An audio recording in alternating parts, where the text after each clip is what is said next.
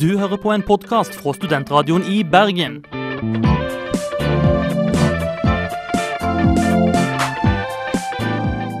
Denne og mange andre flotte podkaster finner du på podkast.srib.no.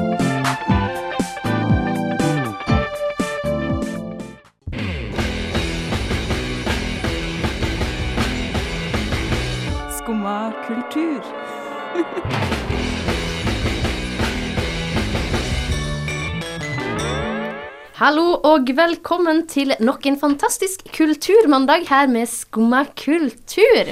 I studio i dag så har vi Ingrid Margrethe Thorolsen. Og Anne Mikla Thun. Og i eh, dagens sending er vi litt opptatt av bøker. Det er jo eh, mammutsalget.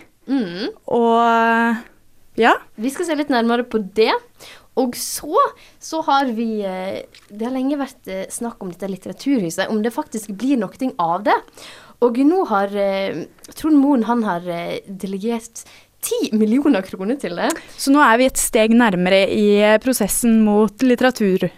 Yes. Nettopp. Vi har tatt en prat med leder for Litteraturhuset. Og så Har vi vår faste spalte? Ja. Bokruletten. mm. Og ikke minst så får vi på slutten av denne her litt sånn bokrelaterte sendinga, så får vi besøk av ei teaterdame. Elisabeth Dale hun er engasjert i DUS. Det er Den unge scene. Hun kommer på slutten av denne sendinga her, så bare sitt parat. Masse god kultur i vente. Aller først Prince Musicology.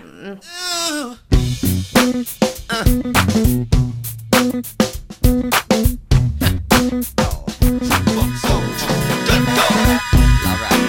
musikken passer bra til denne stemninga vi er her i studio i dag. Vi eh, har drukket litt for masse kaffe og er litt gira. Da har litt sånn groovy stemning i kroppen med Prince Ja, Og eh, 17. februar til eh, 5. mars er det mammutsalg. Et salg som gjelder for eh, Bøker, bøker, bøker! Ja. Skumma kultur har selvsagt eh, tatt seg tid til å høre litt mer om hva dette eh, salget har å si for eh, kunder og ikke minst bokbransjen. Ja, En litt småsjuk Kristina har tatt seg en prat med Sylvi Steine. Hun er markedssjef ved Studia Bokhandel for å få litt inside information. Das Mammut ist ne Urgroßtante von den großen Elefanten mit Noen spennende, virkelig gode bøker. De ser av og til litt røvrige ut. Eh, og noen bøker som ser aldeles strålende ut, trenger ikke alltid å være like spennende. Men uh, bruker man litt tid på å se på hva det faktisk er, så er det kjempegøy. Hva er det Sylvi Steine snakker om? Jo, det store mammutsalget, så klart. Hva er det, sier du? Du har sett plakater, men ikke helt skjønt hvorfor det er et bilde av en elefantlignende dyr på hver og en av bokhandlernes dører. Hva er egentlig mammutsalget? Sylvi Steine, markedsansvarlig ved Studia Bokhandel, forteller deg det du trenger å vite. Mammutsalget er en eh, årlig begivenhet som gjøres av Forleggerforeningen og Bokhandlerforeningen sammen. Hvor alle titler som var gitt ut fra 2009 og tidligere, eh, kan legges ut for salg. Og da gjøres det i én felles stor boksalgsbegivenhet hvor alle landets bokhandlere kan melde seg på å være med. De fleste bokhandlere serverer kaffe og boller på mandagsmorgenen når de første kundene kommer. Så det er på en måte en, en veldig fin anledning til å virkelig markere at vi er her som en bransje. Eh, og at vi har et eh, budskap kanskje utover bare det å være en butikk. En ting er at vi formidler litteratur og språk, men vi formidler virkelig gode leseopplevelser. Det blir som en fest på en måte for Ja, for oss er det det. Ja. Mammut er en skikkelig fest. Ja. Utrolig spennende tittelliste i år, syns jeg. Eh, Min mammutpose, eller mine, står klar til henting når de er blitt fryktelig store. Eh, Der er veldig mange gode både innenfor dokumentarbiografi, innenfor mye faktaopplysning. Masse fine skjønnlitterære titler.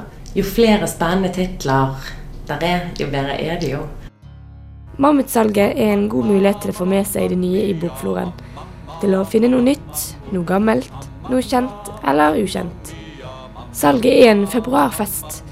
Kanskje spesielt for litteratursultne studenter, kjente for å slite med økonomien og for å nedprioritere bokkjøp til fordel for en ekstra øl på lørdagen. Det er mye billig og bra for kunder å finne, er det ingen tvil om. Men hva har mammutsalget å si for bokbransjen? Da jeg aller først begynte i bokhandelen, lenge siden, da var det bare hvert fjerde år. Og det hadde noen ting med at man ga ikke ut så mange titler per år som det vi opererer med i dag. Så da samlet man opp til hvert fjerde år. Og det er klart, da ble det en kjempestor begivenhet. For da var det egentlig Mammuten man fikk kjøpt bøker nedpriset. Det var da det skjedde. Så har antallet utgivelser hvert år det har økt noe enormt. Eh, Så gikk man over på hvert annet år. Og nå er vi på hvert eneste år. Og Mammutlisten er ikke blitt noe sånn voldsomt mye kortere av den grunn. Så det sier jo noen ting både om utgivelsestempoet eh, og om mengde mengde litteratur vi nordmenn faktisk leser. For den øker. Er det en måte for forlagene å tømme opplag? Eh, sitter de igjen med, med relativt store opplag av titler som de ikke har fått solgt i fullprisperioden sin? Så dette er en mulighet for de til å tømme seg for det og selge det mye rimeligere. Eh, For oss så er det jo en mulighet til å både holde litt fest og, og leven eh, oppi det hele. Og selvfølgelig få solgt mye og få spredd mye god litteratur. Jeg leste i Aftenposten at det var snakk om at det er mest eh, bestselgerne som får mest ut av mammutsalget. At eh, det ikke er like stor plass til på en måte nisjebøkene. Det er nok mulig at det er slik det oppfattes i media. Som bokhandler gjennom mange år, så er min erfaring at jo, bestselgerne kan du også selge veldig mye av på Mammut. Men er man eh, litt tøff når man bestiller inn mammutbøker eh, og kjøper inn mye av de smale titlene, så viser det seg at det er absolutt et stort publikum som er kjempeglad for å kunne kjøpe de smale titlene rimelig. Eh, så jeg syns jo at interessen for de smale titlene på Mammut den synes jeg er økende fra år til år. Mammuten er en av de få gangene i året at de smale titlene ligger i hauger på torg. Så de kommer litt frem i lyset og får skikkelig oppmerksomhet. Mm.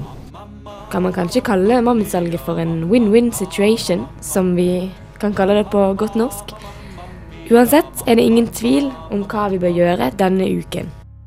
Løp og kjøp, sier jo jeg. Ja. Det er vel Det er jo noen ting med at man Det der å komme hjem og ha posevis med ulest litteratur, og du vet det at åh, nå skal jeg virkelig ta tid til meg selv og få lov til å sette meg inn i enten det er et tema, en, faktabok innenfor noe man er interessert i, eller det er en leseopplevelse man vet vil bli god. Det er jo en vidunderlig følelse på en måte kjenne, kjenne på at jeg er på vei inn i en god opplevelse. Det syns jeg var det beste. Mamma mamma mia, mamma, mamma, mamma, mot. Mammututsalget holdes altså årlig nå pga. en økning i antall eh, bokutgivelser og økt lese leseglede. Kristina Vensås tok her eh, en prat med Sylvi Steine for å grave litt dypere i eh, bokhaugen og finne ut hva mammutsalget er. Hvilket forhold har du til mammutsalget, Ingrid? Åh, jeg eh, liker jo mammutsalget, så klart. Billige bøker er alltid bra. Eh, billig smale bøker spesielt bra, for de er jo ofte de som blir eh, ikke blir nedprisa.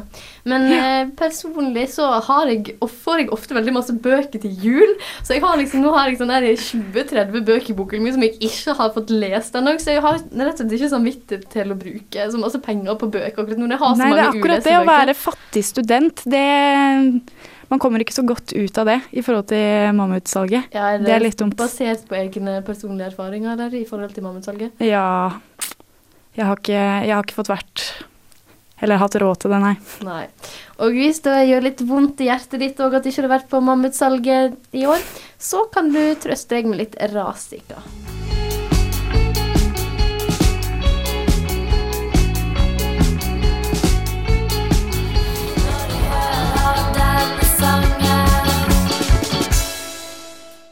Det var Rasiga med vondt i hjertet.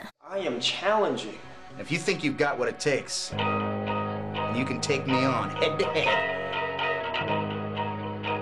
But I'm taking this challenge, and I'm going to successfully read that book.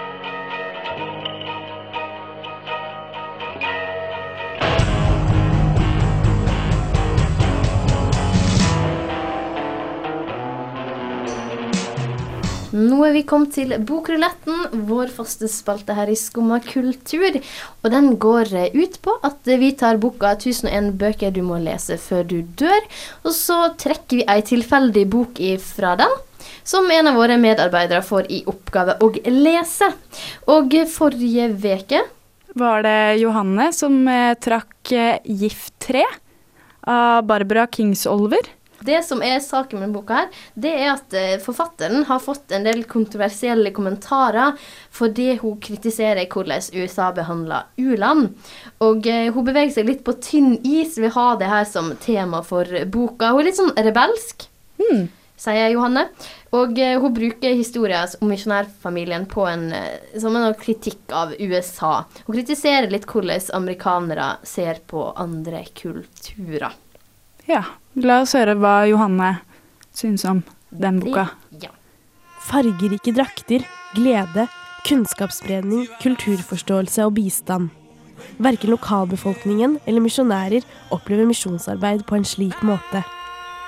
Misjonsstasjoner er alt annet enn et strålende lys på det mørke kontinent. Det er en eneste stor konspirasjon, en illusjon, en ikke-eksisterende virkelighet, en bløff.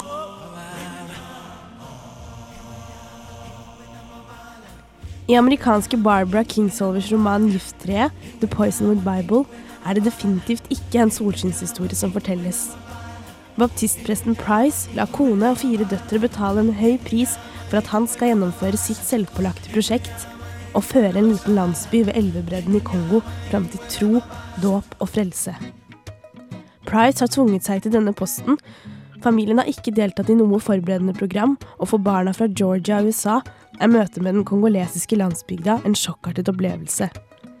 Språk, skikker, boforhold, mat og omgivelser er fullstendig fremmed, og de fire døtrene reagerer på hver sine måter. Dette får Kingsolver fint fram gjennom å la hver av døtrene og moren ha fortellerstemmen i hver sine kapitler. Slik blir vi kjent med fem menneskers utvikling og kan leve oss inn i hvordan de alle merkes for livet av årene i Kongo.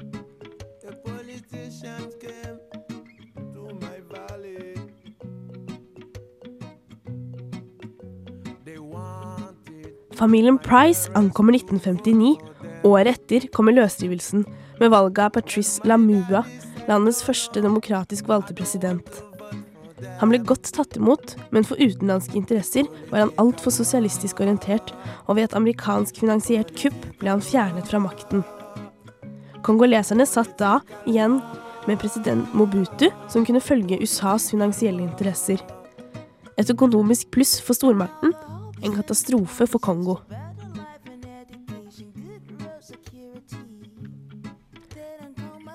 Det er her man skjønner at historien strekker seg over flere kontroversielle områder. Kingsolver skriver ikke bare om misjonsarbeid, men om kulturkrasj, om politiske tvister på internasjonal arena, om hennes anstrengte forhold til USA, om mennesker og om sosialantropologi.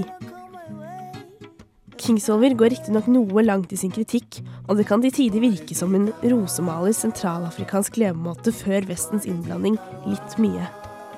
Likevel, det er en gjenglemt og nødvendig tema forfatteren tar opp, og med tanke på hennes amerikanske statsborgerskap stikker kritikken av landet enda litt dypere. Misjonæren Price sliter med sitt oppdrag fra dag én. Riktignok har det vært misjonærer før i landsbyen, de har kirke og prestebolig. Men de er svært skeptiske til denne hvite mannen som sier han vil ta barna deres og dykke dem under elva. Alle vet jo at det kryr av krokodiller der, og at barn som har falt i elva, er blitt spist. Price har en visjon om at alle barn skal døpes i elva. Å bli en kongolesisk variant av Johannes ved Jordan, noe han ikke får realisert. Og han skjønner ikke motstanden. Price er tvers igjennom sta. All motstand gjør han bare enda sikrere på at han har rett. Han gir seg aldri.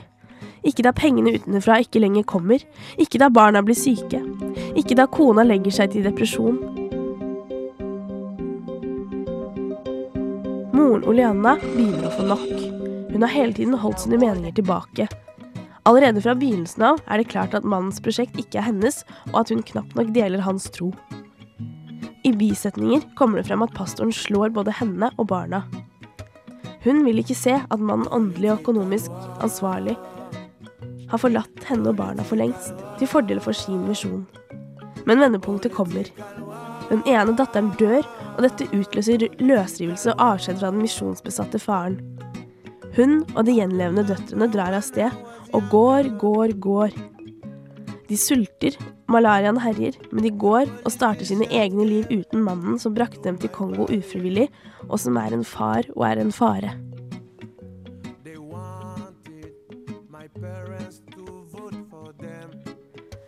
Boka er velformulert, siterbar og leker med språk, både gjennom å spille på doble betydninger i oversettelser mellom det kongolesiske språket, fransk og engelsk, og i misforståelser.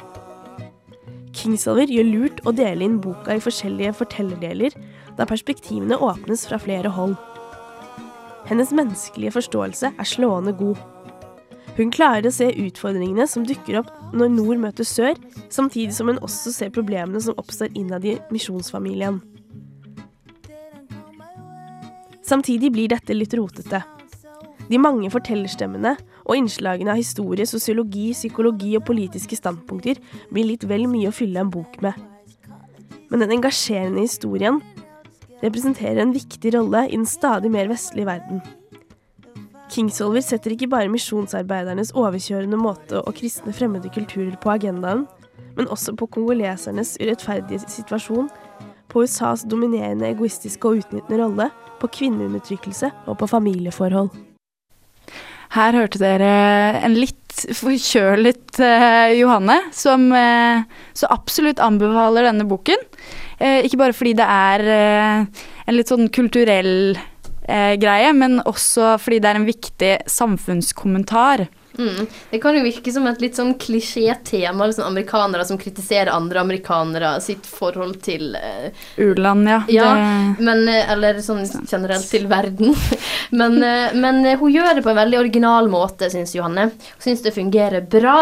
Og den er lettlest, så det er jo aldri noe negativt. Så hun anbefaler den absolutt. Nå er det klart for å trekke neste ukes bokrulett. Og det er du, Anne, som skal i ilden, så du er vel spent? det stemmer. Jeg er veldig spent. Bok. Stopp. Aha! 'Døden i Venedig'. Thomas Mann. Thomas Mann, ja. Jeg har faktisk eh, eh, hørt om den. 1900-tall. Ja, 19, eh, 1912, faktisk. Mm. Um, ja, Hva- det gleder jeg meg hva- veldig til. Hva står det som tematikk? Jeg, eh, Eh, det det står er her om forelskelse eller et eller annet? Ja, en dyp psykologisk innsikt. Den er en livfull redegjørelse for hvordan det er å forelske seg. Oh, passer jo bra nå når våren er på full anmarsj. Ja, så absolutt. Mm. Eh, ja. Nå går vi rett videre til eh, en sang her i Skumma. Fra litt sånn inspirasjon til, til deg som, som allerede har begynt å få ta på deg litt i det som står om den boka. Du er tydeligvis engasjert i. Greit. Da hører vi La Femme med Sur la planche.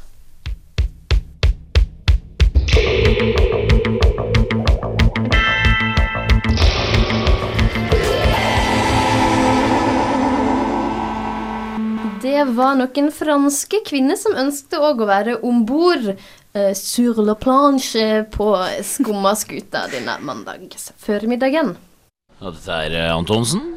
Ja, dette er Golden. Når vi er eh, i Bergen, så hører vi alltid på Skumma kultur. Når vi ikke er i Bergen, så ønsker vi at vi kunne ha vært i Bergen, sånn at vi kunne fått hørt på. Skumma kultur. Litteraturhuset i Bergen har lenge vært et, et luftslott i det blå. Eh, tanken om Norges andre litteraturhus ble tatt initiativ til juni 2008, og stiftet i mars 2009. Ja, Daglig leder i selskapet, Kristin Helle Valle, har sammen med styret kjempa en vanskelig sak, der alt fra midler til finansiering til diskusjoner om hvorvidt Litteraturhuset bør være adskilt fra byens bibliotek. Men denne veka her så fikk derimot styret en gledesmelding av de sjeldne, der eh, Trond Moen eh, tok kontakt med Kristin Helle Valle og fortalte at han ønska å støtte Litteraturhuset finansielt. Ja, det er jo veldig, veldig bra. Det er eh, Eller det betyr jo i eh, all hovedsak at driften til det kommende Litteraturhuset er reddet. Mm. Og at det ikke lenger er et uh, Luftslott. luftslott. Ja. Eh, Magnus Lindvik har eh, tatt en prat med Kristin Helle Valle om situasjonen til Litteraturhuset. La oss høre hva lederen for Litteraturhuset har å si om det her gledesbeskjeden. Først og fremst eh, gratulerer til eh, realiseringen av Litteraturhuset. Tusen takk skal du ha. Litteraturmiljøet i Bergen, og særlig du, Kristin Helle Valle, har kjempet lenge en hard sak for et eh, litteraturhus i byen. Kan du fortelle hva som har skjedd i løpet av de siste dagene? Ja, jeg fikk en telefon på bursdagen min hvor det var en eh, mann som sang 'Happy Birthday to You', hele sangen. Og så skjønte jeg ikke noe, og så sa han 'Gratulerer med dagen, Kristin, dette er Trond Moen'. Og da ble jeg kjempeforskrekket, og så Eller jeg syntes det var hyggelig. Og så han, lurte han på jeg, hvordan det sto til med Litteraturhuset, og spurte om hva jeg hadde tenkt å be han om. Og så sa jeg da at jeg trengte to millioner i fem år. Og så sa han at det skal du få. Fordi han syntes dette var en god sak. Han, øh, han syntes at et litteraturhus øh, er noe Bergen trenger, og han er opptatt av debatt. Og som han sier i avisen, at øh, vi må ikke være døde fra halsen og opp. Skje noe i hodene våre. På hvilken måte ønsker du at eh, profilen til Litteraturhuset skal være utad? Det skal være et hus som skal være åpent for de som eh, har lyst til å gå innenfor dørene. Det skal være lav terskel, altså. Det skal ikke være sånn at du skal ha en master i litteraturvitenskap for å, for å være på det huset. Så mange vil nok bare bruke det som en kafé eller gå inn på bokhandelen og ikke nødvendigvis ha så veldig klare mål med at de skal delta på en debatt eller noe sånt. Det skal ikke være sånn at alle som kommer dit er nødt til å mene noe. Jeg håper det blir et sted som er inkluderende, som er hyggelig, eh, hvor du treffer folk som liker de samme tingene som deg. Når det har vært snakk om litteraturhus, så er det alltid snakk om eh, å inkludere ungdom på en måte. Og Skrivekunstakademi i Hordaland skal være en del av huset. Det kan jo på en måte være en del av eh, inkluderingen. Ja, eh, vi håper jo at Skrivekunstakademiet flytter inn, eh, og med dem kommer det, som du sier, masse yngre mennesker. Så det vil være veldig viktig. Det er viktig at det huset er levende, at det er folk som jobber der. At ikke det er liksom noen tomme saler og sånn. Det hadde vært skrekkscenarioet. Men vi har jo også et musikkmiljø som lager tekster i Bergen. Jeg syns det hadde vært veldig gøy å få bruke det på en eh, annen måte enn bare på konserter. Det neste Jon Olav Nilsen kan komme fra Litteraturhuset. Ja, det må han gjerne. Han kom vel med bok også, så vidt jeg vet. Som et eh, litteraturhus ønsker man alltid å sette fokus på debatter. Eh, vil det bli en annerledes debattprofil i Bergen enn f.eks. i Oslo? Ja, det tror jeg. Fordi eh, det er vi som bor her i Bergen og på Vestlandet som skal lage disse debattene. Og vi er helt sikkert opptatt av andre ting enn det folk i Oslo er. Det som handler om eh, sjø, energi, vann, ressursene våre, de, de tror jeg vi er my mye tettere på her i Bergen enn i Oslo.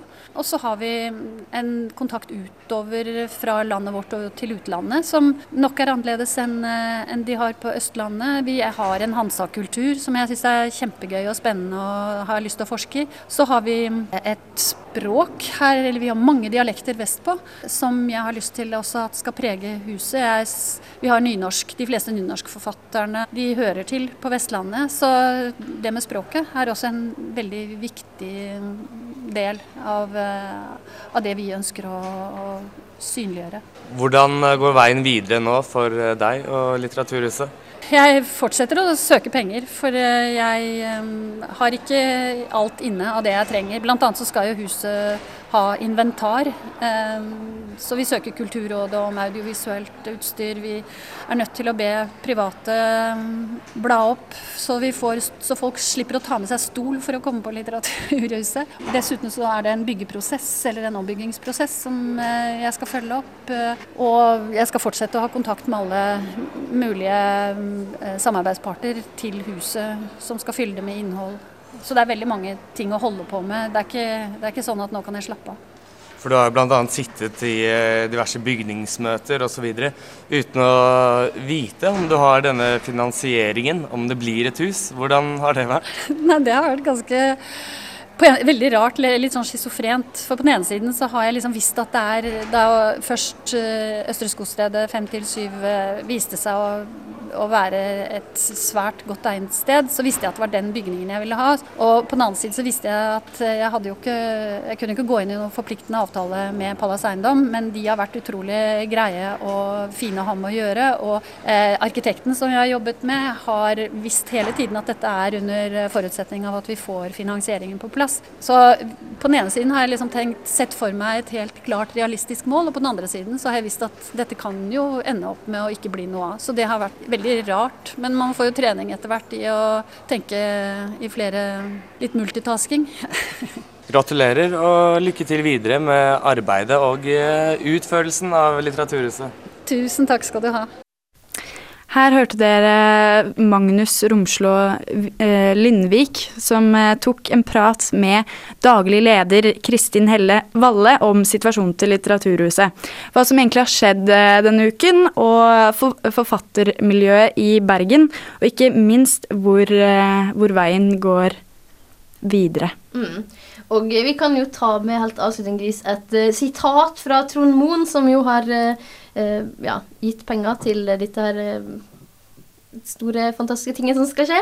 Eh, åpning av Litteraturhuset. Og han har sagt at eh, det er pris, dette er et pris, prisverdig prosjekt. Vi kan ikke være død fra nakken og opp. Vi må ha litt andre verdier her i livet, sier han. Og håper Litteraturhuset vil bidra til verdidebatter og økt interesse for litteratur. Og det håper vi i Skumma kultur òg. Litt eh, ekstra eh, litteratur i hverdagen jeg har jo, er jo ikke akkurat noe negativt. Jeg håper det skal være med å lyse opp kulturlivet i Bergen enda mer. Ja, her skal vi høre Jarle Berntoft med 'Streetlights'. Vi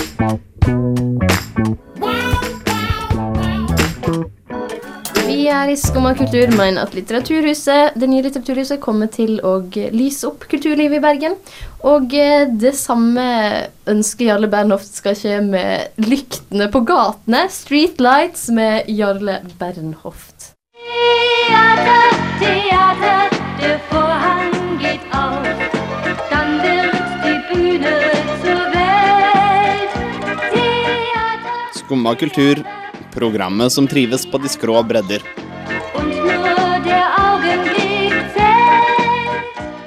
Vi har nå fått besøk her i studio av eh, Elisabeth Dale. Velkommen til deg. Takk skal du ha.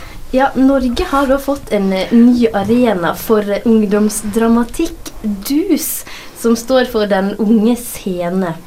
Og du er drama- og teaterlærer ved Fana folkehøgskole. Du, du, er jo involvert i dette prosjektet. Har du lyst til å si litt først om hva DUS er for noe? Ja. DUS det er en eh, nasjonal eh, festival som ble opprettet i 2004. Og den ble opprettet for å heve nivået på eh, ungdomsteater i Norge. Og DUS de bestiller og utvikler da sceniske tekster som er skrevet for ungdom, eh, og som framføres av ungdom. Mm. Mm. Så du at du skriver, du spiller, og eh, du ser et sånt motto som de går igjen med eh, inn på nettsidene der og sånn. Vil du si noe mer om målet? Altså målet med, med prosjektet? Um, altså Målet med prosjektet er jo å, å heve nivå, nivået på ungdomsteater, men òg å få til et sånt samarbeid mellom den etablerte scenen og så de her amatørene. da, At de skal på en måte føle at de får ja, lov til å gjøre noe som eh, eh, betyr noe, og, Mm. og, og da få lov til å spille faktisk, eh, i vårt tilfelle da på den nasjonale scene. Og det er jo en utrolig bra motivasjon for å ja, holde på med det vi gjør. Klart det. Bli tatt Festivalen skal jo være på, på DNS. Eh, Hvilken eh, rolle er det DNS spiller i den festivalen her? Eh, DNS er en av samarbeidspartnerne i Hordaland, i tillegg til Vestlandske Teatersenter og Hordaland Teater. Så DNS de eh, åpner da eh, huset og lar oss få lov å bruke Lille Scene da i to dager. I, det er fredag og lørdag 25. og 26. februar. Mm. Ja, Hordaland det er jo et av de siste tilskuddene til dette her eh, DUS-prosjektet. Og Det vil si at Dere nå er en av ti regioner da, som, eh, som er, det nå arrangeres DNS, nei, DUS-festivaler. Og hva kan vi forvente oss på denne festivalen? Det er jeg eh, veldig spent på sjøl, må jeg bare si. Jeg kjenner jo bare til vårt eget stykke, som vi er veldig fornøyd med. da. Vi har jobbet Begynte litt så vidt eh, før jul, og eh, ja, med tekstpugging og lese gjennom manus. Og så har elevene fått det med seg hjem i, i vinterferien, og så eh, begynte vi å jobbe sånn på ordentlig da, etter, rett etter jul. Um, og eh, dette stykket som vi setter opp, det er skrevet av Knut Nærum, og det heter Super. Og det Mm, handler, handler om eh, super eh, Eller vanlig ungdom da, med, med sånn helt spesielle superkrefter. Som eh, Ja, så det handler vel kanskje litt om å være annerledes og bruke annerledesheten sin til noe positivt. Mm. Ja, og, og dette her det foregår da på fredag. Er det noe som er åpent for alle? Alle kan komme og se? Altså, det er lagt ut 35 eh, gratisbilletter, og vi har nå eh, okkupert 20 av de, da. Så 15 billetter igjen til de som, eh, som vil ha det. Førstemann til mølla, altså. Ja, ja. Og det er jo meningen at vi skal være av disse teatergruppene, vi, det er fire grupper. Og um, vi ser på hverandre sine forestillinger, og der vil det òg være en jury som sitter og ser på, og som uh, ut fra noen eh, kriterier da finner ut hvem det er som skal sendes videre til Oslo. Uh, så det er en gruppe fra hver region som blir sendt videre til Oslo, og som får spille på Det Norske Teatret i slutten av april. Veldig spennende. Mm. Ja, eh, da tror jeg vi bare må si tusen takk for at du kom, og lykke til på fredag. For vi satser på at det er dere som kommer videre til Det Norske Teater. Ja, det gjør vi òg. Ja. Tusen takk for at jeg fikk komme. Veldig hyggelig. Takk skal du ha.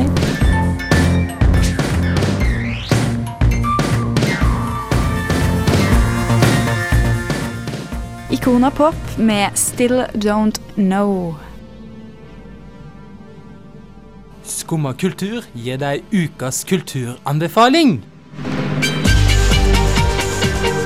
Da er vi kommet til eh, kulturanbefalingene her i Skumma kultur. Ja, den første anbefalingen vi har, er eh, kosthold kakofoni. Det høres veldig spennende ut. Ja, du Anne sitter jo her og knasker på sukkererte. Jeg kan jo lure på om veldig det er godt. sunt. Ja, det er, hvor enn eh, man snur seg, møter man jo tips og råd og formaninger om hva man kan og ikke kan spise. Det blir litt slitsomt å hele tiden eh, forholde seg til forskjellige ja. Råd? Ro, ja. Ja, eh, og selv i media så er fokuset på kostholdet ekstremt. Og vi som forbrukere vi blir veldig lett påvirka, og mange velger å overfokusere på sunnhet. ja, hvor sunn kan man bli før det blir usunt? Ja, Studentersamfunnet de gir scenen til fire kostholdseksperter med hver sin ideologi. Deriblant så får vi representanter fra Grete Rode og Fedon Lindberg-klinikken, og vi vet jo at de står litt sånn mot hverandre. Det er òg eh, noen som kommer fra UiB. Førsteamanuensis ved, en førsteamanuensis ved Sosiologisk institutt kommer og liksom får litt sånn akademisk eh, eh, greie på disse her, da. Ja, og det skal foregå på Kvarteret, Tegleverket, på onsdag fra sju til ni. Mhm. Eh, vår neste anbefaling er eh, åpning på Bergen eh, kunsthall førstkommende fredag. Joan Jonas, eh, eh, 'Reading Dante 3'. Ja. Og som tittelen tilsier, dette er knytta opp mot Dante. For hver nye versjon av denne her installasjonen og performancekunsten hennes, så tar hun opp i seg elementer fra de foregående. Dette var altså nummer tre i rekka. Og i denne her så gjenfortolker Jonas sjelens reise gjennom helvete, skjærs ild og himmel. Eh, vel kjent etter Dantes epos Den guddommelige komedie. Mm, og utstillingen er produsert av Bergen Kunsthall i samarbeid med Borealesfestivalen. Ja. Og Reading Dante 3 den er altså førstkommende fredag klokka 20, og den er gratis. Ja. Mm, Bergen Kunsthall, altså. Ja. Siste kulturanbefaling i dag. Mammutsalget er jo viktig å, å få med seg. Mhm. Vi snakket jo om det tidligere i sendinga. Og eh, hvis ikke du fikk med deg det, så kan du gå inn og sjekke vår podcast, der Kristina Vensås har tatt en prat med leder for Studia. Så kan du, snakke, kan, kan du høre litt hva hun sier, syns og sier om eh, og hvorfor det er viktig. Ok, dette trenger vi. En halv kilo mel, én spiseskje sukker, 100 gram smelta smør og skumma kultur. Skumma kultur, ja. Hvor mye skumma kultur? En hel time hver mandag på Studentradioen i Bergen.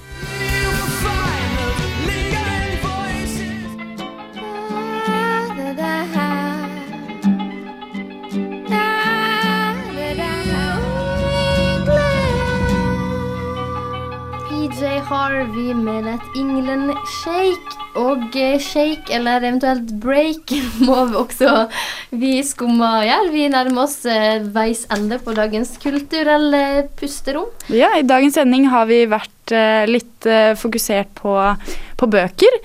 I form av Mammutsalget, Litteraturhuset og Bokrulett. Yes. Eh, og ikke minst har vi et besøk av Elisabeth Dale, eh, dramalærer ved Fana folkehøgskole, som er med i en teaterfestival førstkommende fredag. Dus den unge scene. Ja, ta deg en tur dit. Løpet, rett og slett, for det er 15 ledige billetter igjen. Intet eh, mer, så løp og få tak i det. Eh, ja. Eh, Medvirkende til dagens sending har vært Kristina Vensås, Magnus Romslo Lindvik, Johanne Olea Hovland og eh, produsent Karoline Elgesem. Ja, Har dere noen ønsker eh, om eh, noe dere vil at vi her i Skumma skal eh, ta fra oss, så er det bare å sende en mail til skummakultur at srib.no. Yes. Og da får vi igjen så det bare å takke for oss. Takk for meg, Ingrid Margrethe Thorolsen. Og meg, Anne Myklatun.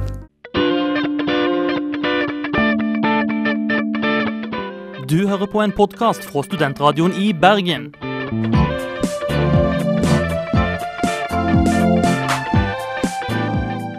Denne og mange andre flotte podkaster finner du på podkast.srib.no.